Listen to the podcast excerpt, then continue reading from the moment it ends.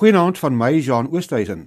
Dankie dat jy ingeskakel het. Jy luister ouer gewoonte die tyd van 'n Sondag aand na die program uit 'n ander hoek, net hier op RSG 100 tot 104 FM en ook wêreldwyd op die internet by rsg.co.za. Ons gesels vanaand oor die rol van die media in die openbare godsdienstgesprek. Wat is 'n joernalis se plig en rol wanneer daar berig word oor sake wat verband hou met geloof? En word alle gelowe in die land billik behandel deur die media? Om hieroor saam te gesels is my gaste vanaand twee mediakenners, professor Lizet Rabbe, professor in journalistiek aan die Universiteit Stellenbosch en professor Jos Klasen, ook 'n dosent in journalistiek by die Universiteit Stellenbosch en ombudsman van Media 24 se gemeenskapskoerante. Goeienaand aan jou Jos, saam met my hier in die ateljee in Kaapstad. Baie welkom. Goeienaand John. En goeienaand Lizet daar in Stellenbosch. Baie welkom aan jou. Goeienaand John, goeienaand aan die luisteraars. Lizet, kom ek val sommer met die deur in die huis en ek vra vir jou, wat is dan die belangrikste rol van die media in die openbare godsdienstgesprek voordat ons miskien bietjie later kyk hoe die media daai rol vervul en of hy dit vervul. Moet godsdienstverslaggewing anders hanteer word as byvoorbeeld politiek of bly die beginsels dieselfde? Weet jy John, daar's natuurlik baie verskillende benaderings, maar ek dink nie 'n mens moet 'n verskil maak in hoe jy godsdienst benader teenoor hoe jy ander sake benader, nie sake van die dag, politiek, ekonomie ensovoorts. Wat is wetenskapwaardig, wat is nuuswaardig en daai soort beginsels in jou rapportering moet jy dan nou toepas. Wat is die nuuswaardes hierin en hoe gaan jy as joernalis daarmee om en dan hoe gaan dit verder in die pipeline van produksie of na drukmedia of na digitale media of in beeld en dan nou ook video ensovoorts. So dink jy moenie dit in 'n ander kategorie gaan sit nie. Ek dink jy moet dit so hanteer as wat jy enigiets anders sal hanteer. George, stem jy saam? Hoe sien jy die rol en plig van die media wanneer daar berig word oor sake wat verband hou met geloof en hoe vaar die media oor die algemeen daarmee dink jy? Ja nee, wat Lizet daar uitgelig het is absoluut, is ek absoluut eens mee. Jy weet die as jy kyk na die Suid-Afrikaanse perskode die eerste klousule of afdeling daarvan beklemtoon baie duidelik dat ons die nuus so akkuraat en so waarheidsgetrou as moontlik moet weergee. En dit sny deur na alle fasette van waaroor ons rapporteer. En religie of godsdiens is is nie uitgesluit of kan nie op sy eie platform gaan staan nie. Hy word op dieselfde manier hanteer as sport en politiek en ekonomie en kuns. Dieselfde kriteria geld deurgaans. Jou vraag oor hoe hoe vaar ons daaraan? Ek dink nie ons vaar baie goed nie. Die media oor die algemeen nie. Nie Suid-Afrikaanse media of laat ek dan sê die Afrikaanse media nie. Jy weet die ekonom en een van die stigters van die Economist tydskrif, Walter Bagehot, het gesê die plig van die media is to letting in daylight upon magic. En dit is wat ons doen. Ons werp lig op wat die werklikheid is, die die realiteit. En as daar magic is of dan wonderwerk of al daai soort van goed, dan moet ons dit belig en mense die regte akkurate feite daaroor gee of dit wetenskaplik moontlik sou wees of nie.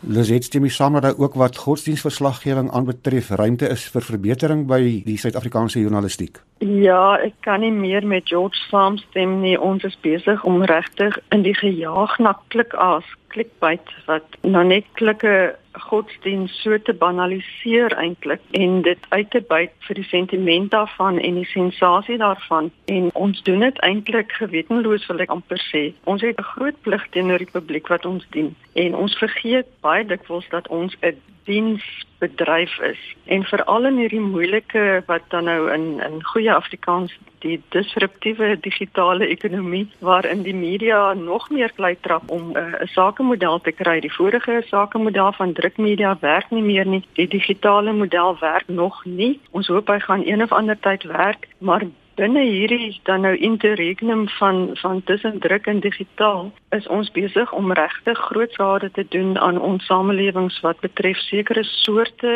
rapportering en godsdienst is ongelukkig een daarvan. En jy kan godsdienst dan nou religie of spiritualiteit hoe jy dit wil noem maar ons het 'n groot verantwoordelikheid in hoe ons, jy weet, net gewoon rapporteer oor dit wat gebeur. En mense kry so die indruk dat dit amper 'n opportunistiese aangryp van aanhalings is binne 'n storie wat dan nou die opskrif in ons taal die kop van die storie word ensovoorts en ons moet daar regtig introspeksie doen. Ja, veral uh, koppe is nogal belangrik. Jos, mens sien baie keer omstrede koppe wanneer dit gaan oor godsdienstverslaggewing. Byvoorbeeld wanneer daar 'n motorongeluk was of wat ook al, dan sien 'n mens baie keer koppe wat uitsprake maak wat ongetoets is. Moet koerante versigtiger wees wanneer hulle opskrifte ook kies. Inderdaad, die opskrifte is dikwels die wel dit is altyd die grootste trekpleister na 'n storie toe, maar baie van die opskrifte wanneer dit gaan oor byvoorbeeld 'n groot ongeluk dood of wat iemand in 'n traumatiese omstandighede gegaan het word deur aanhaling waar daar na God of een of ander wonderwerk of iets verwys word wat iemand sou gesê het wat dan korrek is. Iemand het dit gesê sê maar binne in die storie wat iets ervaar het of beleef het en hom of haar tot 'n hoër godheid beroep het of die wil van God gesien het in wat gebeur het. Maar die media dikwels rapporteer ons dit deur middel van ons opskrifte en deur middel van die die wyse waarop ons 'n storie 'n sekere hoek gee of die raam waarin ons 'n storie sit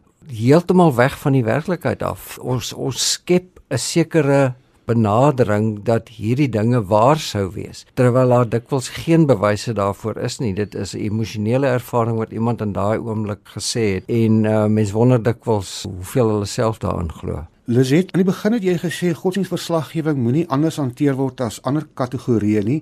Nou weet ons net soos met politiek staan die pers of die media dikwels, maar nie noodwendig nie, maar dikwels in 'n spanningsverhouding met godsdiens of godsdiensleiers en baie keer beland die swakhede van kerklike amptenare op die voorblad en so ook omstrede se nodebesluite soos in die geval van die NG Kerk se geydebat wat hierdie spanningsverhouding eintlik verhoog.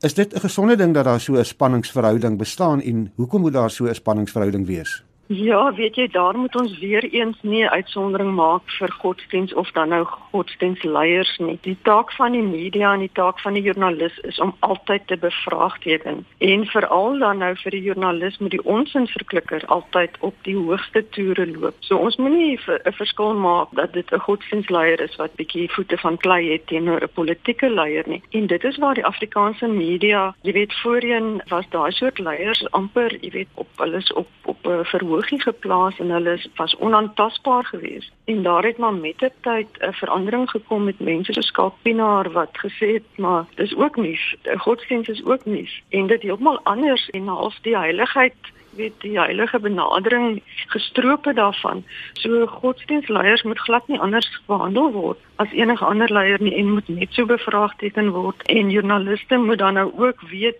dieselfde beginsels, dieselfde benadering moet geld wat enige storie oor oor godsdienst geld. Georgia, ek weet jy voel ook sterk oor ons inverklikkers wat aangeskakel moet wees. Dink jy die Suid-Afrikaanse media se ons inverklikkers in die verband is aangeskakel? Nee, inderdaad nie. En ek wil blaatant wees dat dit reg is so te sê. Daar word dikwels dinge verkondig asof dit die waarheid sou wees en dan skuil ons daar agter deur te maak asof dit iemand anders wat sê ons stem nie daarmee saam nie. Maar die manier waarop ons 'n storie projekteer, die hoek wat ons kies, die prominensie wat ons gee in opskrifte alles wil dit dat lyk like asof ons opsie daarmee saamstem en daar's 'n groot veldtog van die oomblik as jy kritiek uitspreek teen enige religie dan is jy uit die bose uit. En die media se plig daaroor is wat ek begin het met daardie aanhaling is to letting in daylight upon magic. Om daardie daglig te laat skyn op dinge wat mense in glo en dit te bevraagteken. Ons is daar om te bevraagteken en om moeilike vrae te stel. En dit mag mense baie ongemaklik maak en hulle bewese gemaksones aantas. Maar die media is nie daar om ons in 'n gemaksone te laat nie. Ons moet krities dink en ons moet die werklikheid krities daar vir mense weergee.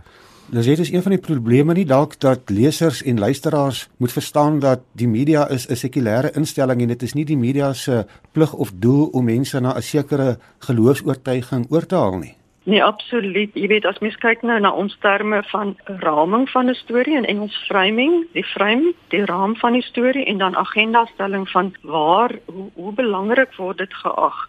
Dan is die Afrikaanse media veral skuldig daaraan om vir 'n sekere gehoor te speel. En veral byvoorbeeld in die Wes-Kaap dink ek baie as ek so na die stories kyk, maar wat van die groot gros Afrikaanse, Malayse lesers en gebruikers van media in die Wes-Kaap. Jy weet, want die aannames word gemaak dis 'n Christelike God ensovoorts. En ons moenie vir die gehoor speel nie. Ons versaak ons plig as ons vir die gehoor speel. En ek kyk so baie keer na hierdie soort van uitbuiting, sensasionalisering van sentiment en dan dink ek aan Hannah Arendt, die Amerikaanse filosoof wat oor die hofsaake van van Eichmann in Jerusalem geskryf het en gesê het ons moenie, wat hy gesê het, die banaliteit van boosheid wat ons voorstel as iets spesiaals. Ons moenie vir Eichmann voorstel as iets wonderliks nie. En ek kyk na hierdie stories oor godsdienst en ek sê vir myself dis om mense se groot en diep oortuigings te banaliseer om dit so uit te byt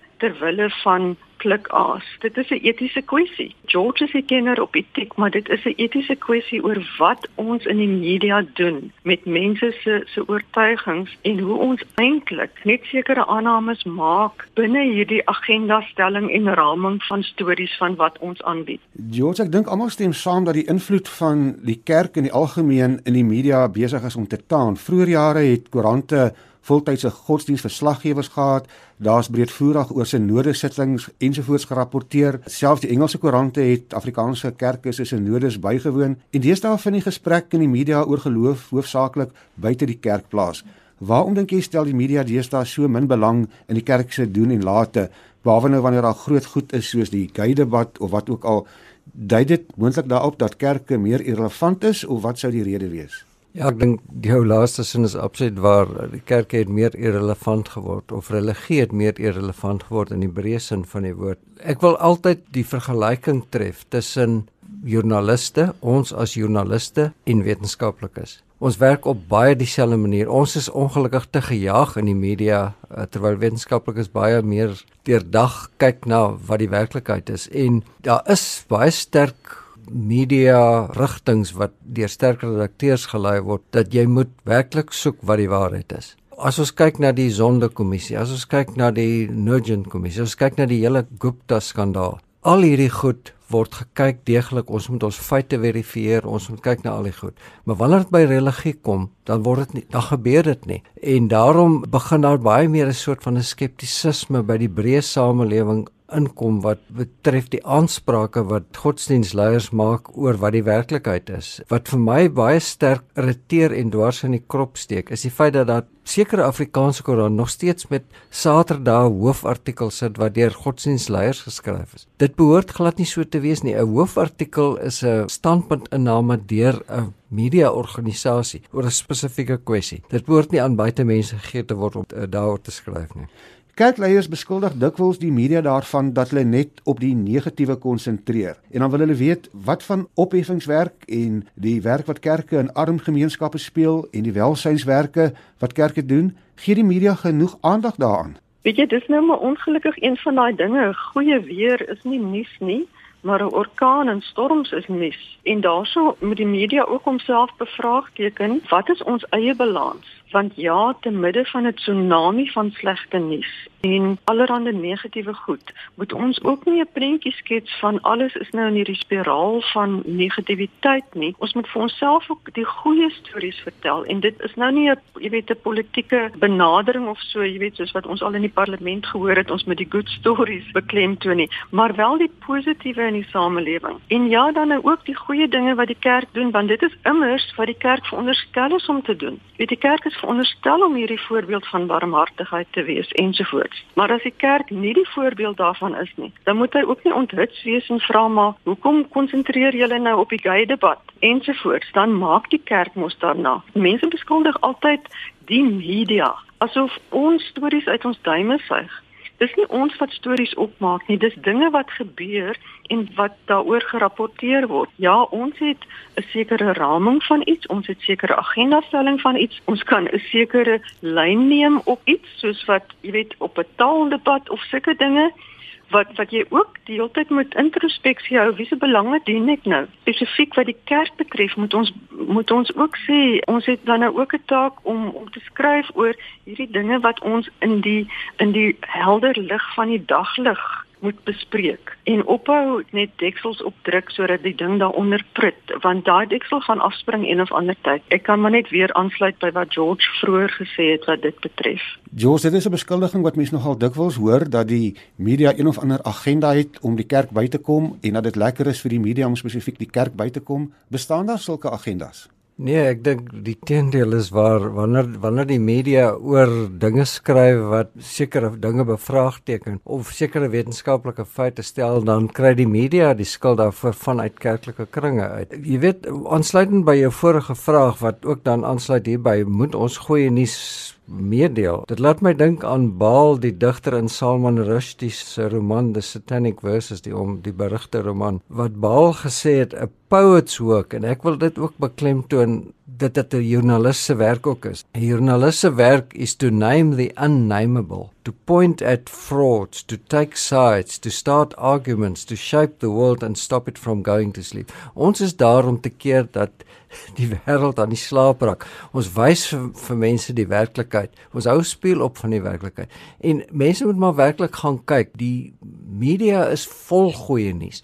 Daar's baie profielstories van mense wat sukses behaal, wat probleme oorkom uh, ensovoorts ensovoorts en daar dit is goeie nuus stories. Ons ons ons moet net ons oë daarvoor oopmaak. Ek wil graag vir albei van julle vra, julle is albei ook krities oor oor die media self.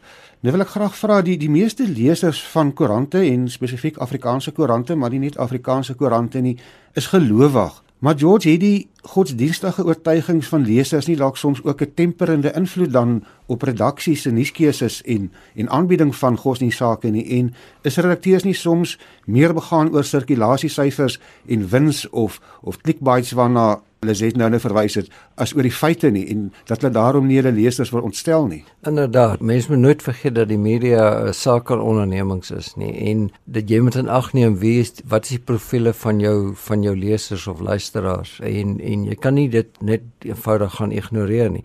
Maar ek het dit persoonlik aan my lyf ondervind as 'n joernalis oor jare en ek dink Lizet as destyds redakteur van Sari sou dit ook ondervind het. Sy kan haar eie storie daaroor vertel, maar dat ek verklaar is by die hoogste base in Media 24 omdat ek durf waag het skryf oor evolusie. En dan is dit oor wetenskaplike bevindinge wat gemaak is, uh, fossiele se ontdek eers en die soort van goed dat daar 'n demper geplaas word op 'n joernalis om die wetenskaplike feite weer te gee. So dit is 'n negatiewe invloed wat religieuse mense het om die waarheid wat ons kinders van moet kennis neem oor hoe lewe ontstaan het en hoe hoe dinge ontwikkel het oor eeue der eeue.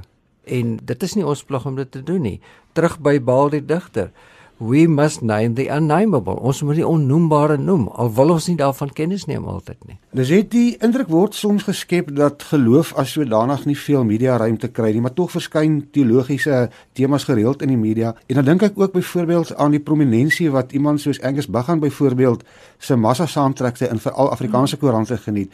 Waarom geniet sy saamtrekke soveel media aandag en rapporteer die media objektief daaroor want daar word baie keer aansprake gemaak oor getalle wat die byeenkomste, mense wat die byeenkomste bywoon wat ek dink 'n mens nogal kan bevraagteken, maar die media doen dit baie selde. Jy weet jy, ek dink media besluitnemers moet ophou om sekere aannames te maak. Ek dink mense dink baie meer vir hulle self as voorheen. Mense is glad nie meer so naïef nie en dat hulle dinge wil bevraagteken en dat die media ook namens hulle dit kan bevraagteken en net soos wat hulle krities sou staan teenoor 'n ander byeenkoms sê net maar van 'n van 'n politieke leier wat sê daar was 5 miljoen mense en sê maar dit het glad daarom nie gelyk na 5 miljoen mense nie. Moet hulle ook by 'n godsdienstige byeenkoms dieselfde beginsels toepas. Maar ja die media is dan nou skrikkerig daarvoor want daar's die aannames van ons wil nie ons gehoor uh, vervreem nie. Ons wil nie ons lesers en ons luisteraars en ons kykers vervreem nie. Jy weet daar's in media uh, studie is daar die teorie die politieke ekonomie van die media. So wie die mag wie wie neem die besluite? Nou net soos daar die politieke ekonomie van godsdienst weet daar's geld in godsdiens en jy kan nie jou lesers wil vervreem deur nou krities oor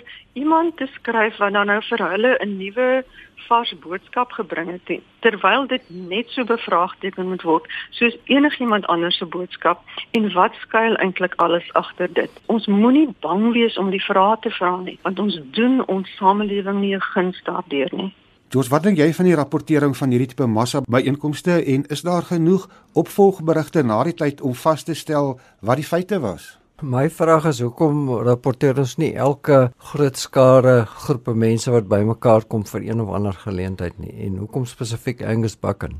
Ons in die media plaas hom op 'n platform in die agenda, 'n skep 'n agenda daarstelling wat totaal uit balans uit is. As 'n klomp mense hom wil volg, uh, hy's 'n leuke prediker uh, wat wat geen kennis het in elk geval van basiese religieuse opleiding nie. Hy neem mense op sleeptou en die mense glo dit, maar ons in die media maak dit baie erger deur soveel fokus daarop te plaas, soveel lig daarop te werp. Dis in Nederland is daar dagblaaie wat 'n tradisie het om openlik die teenstelling tussen geloof en die sekulêre wêreld uit te daag kort ons nie dalk meer van daai tipe oop gesprek ook in ons eie media nie.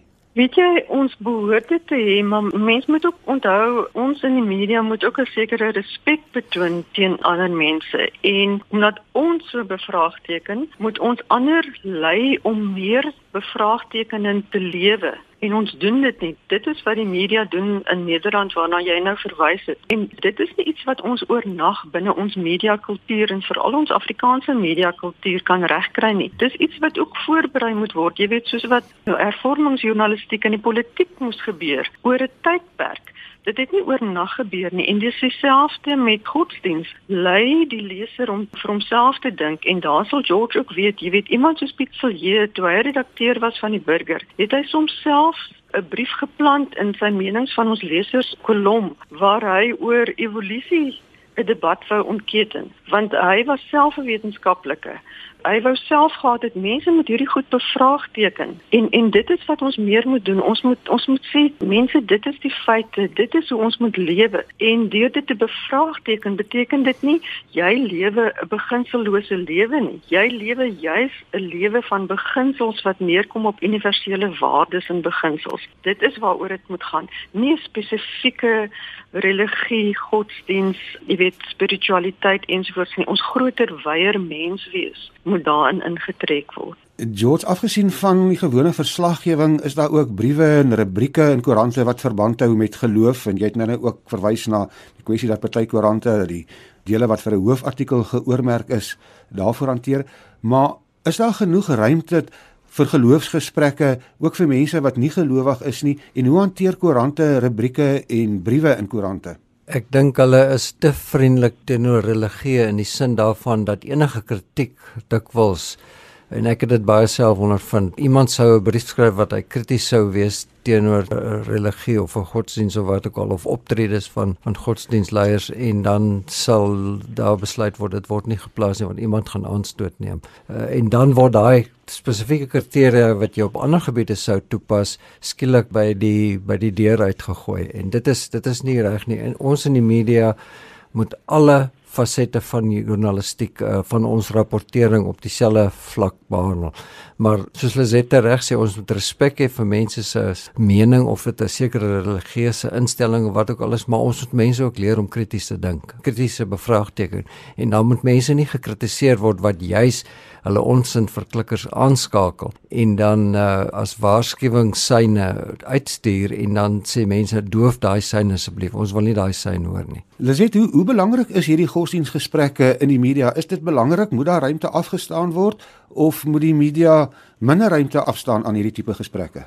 'n mens wil nie godsdiens uitsonder nie. Ek dink dit moet deel van die agenda van die sake van die dag wees en en dat jy dan ook dit opveeg teen ander sake, maar dit is natuurlik fundamenteel belangrik. Wat is ons uitgangspunt vir lewe? Hoe tree ons as as mense teenoor mekaar op en veral in hierdie dae waarin ons lewe? Of dit nou Suid-Afrika is waar 'n munisipale gebou afgebrand word wat veronderstel is om die sentrum van dienslewering in daai omgewing te wees en of dit, jy weet, 'n Trump is wat net so misogenies is dat 'n mens nie eers, jy weet, wil weet wat 'n skade dit doen aan 'n volgende generasie jong seuns wat veronderstel is om op te kyk na hom. Ons moet dit alles alles bevraagteken in die era waarin ons lewe van hoe kan ons meer menslik, meer humanitêr teenoor mekaar optree? En godsdienst is deel daarvan dat ons konstruktiewe journalistiek moet bedryf. Ek is 'n verskriklike groot voorstander van konstruktiewe journalistiek. Jy's krities analiserend, maar dis op 'n konstruktiewe manier en nie destruktiewe journalistiek nie. Ons is besig om ter wille van sensasie en hierdie hierdie ewige klikaas wat ons jaag, destruktiewe journalistiek te publiseer. As jy net kyk die banaliteit van sommige van hierdie stories, dis nie dis nie nuus nie.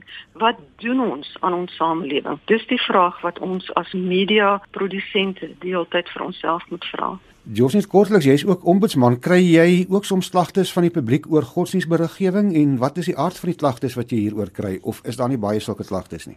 Nie eintlik nie. Af en toe, maar oor die algemeen is klagtes gaan oor hoe akkuraat het ons nuus weergegee en dit is waar ek hierdie gesprek vanaand begin het is dat die eerste deel van die perskode is ons moet nie so akkuraat en so waarheidsgetrou as moontlik weergee en meeste van die klagtes wat ek kry gaan oor onakkurate verslaggewing.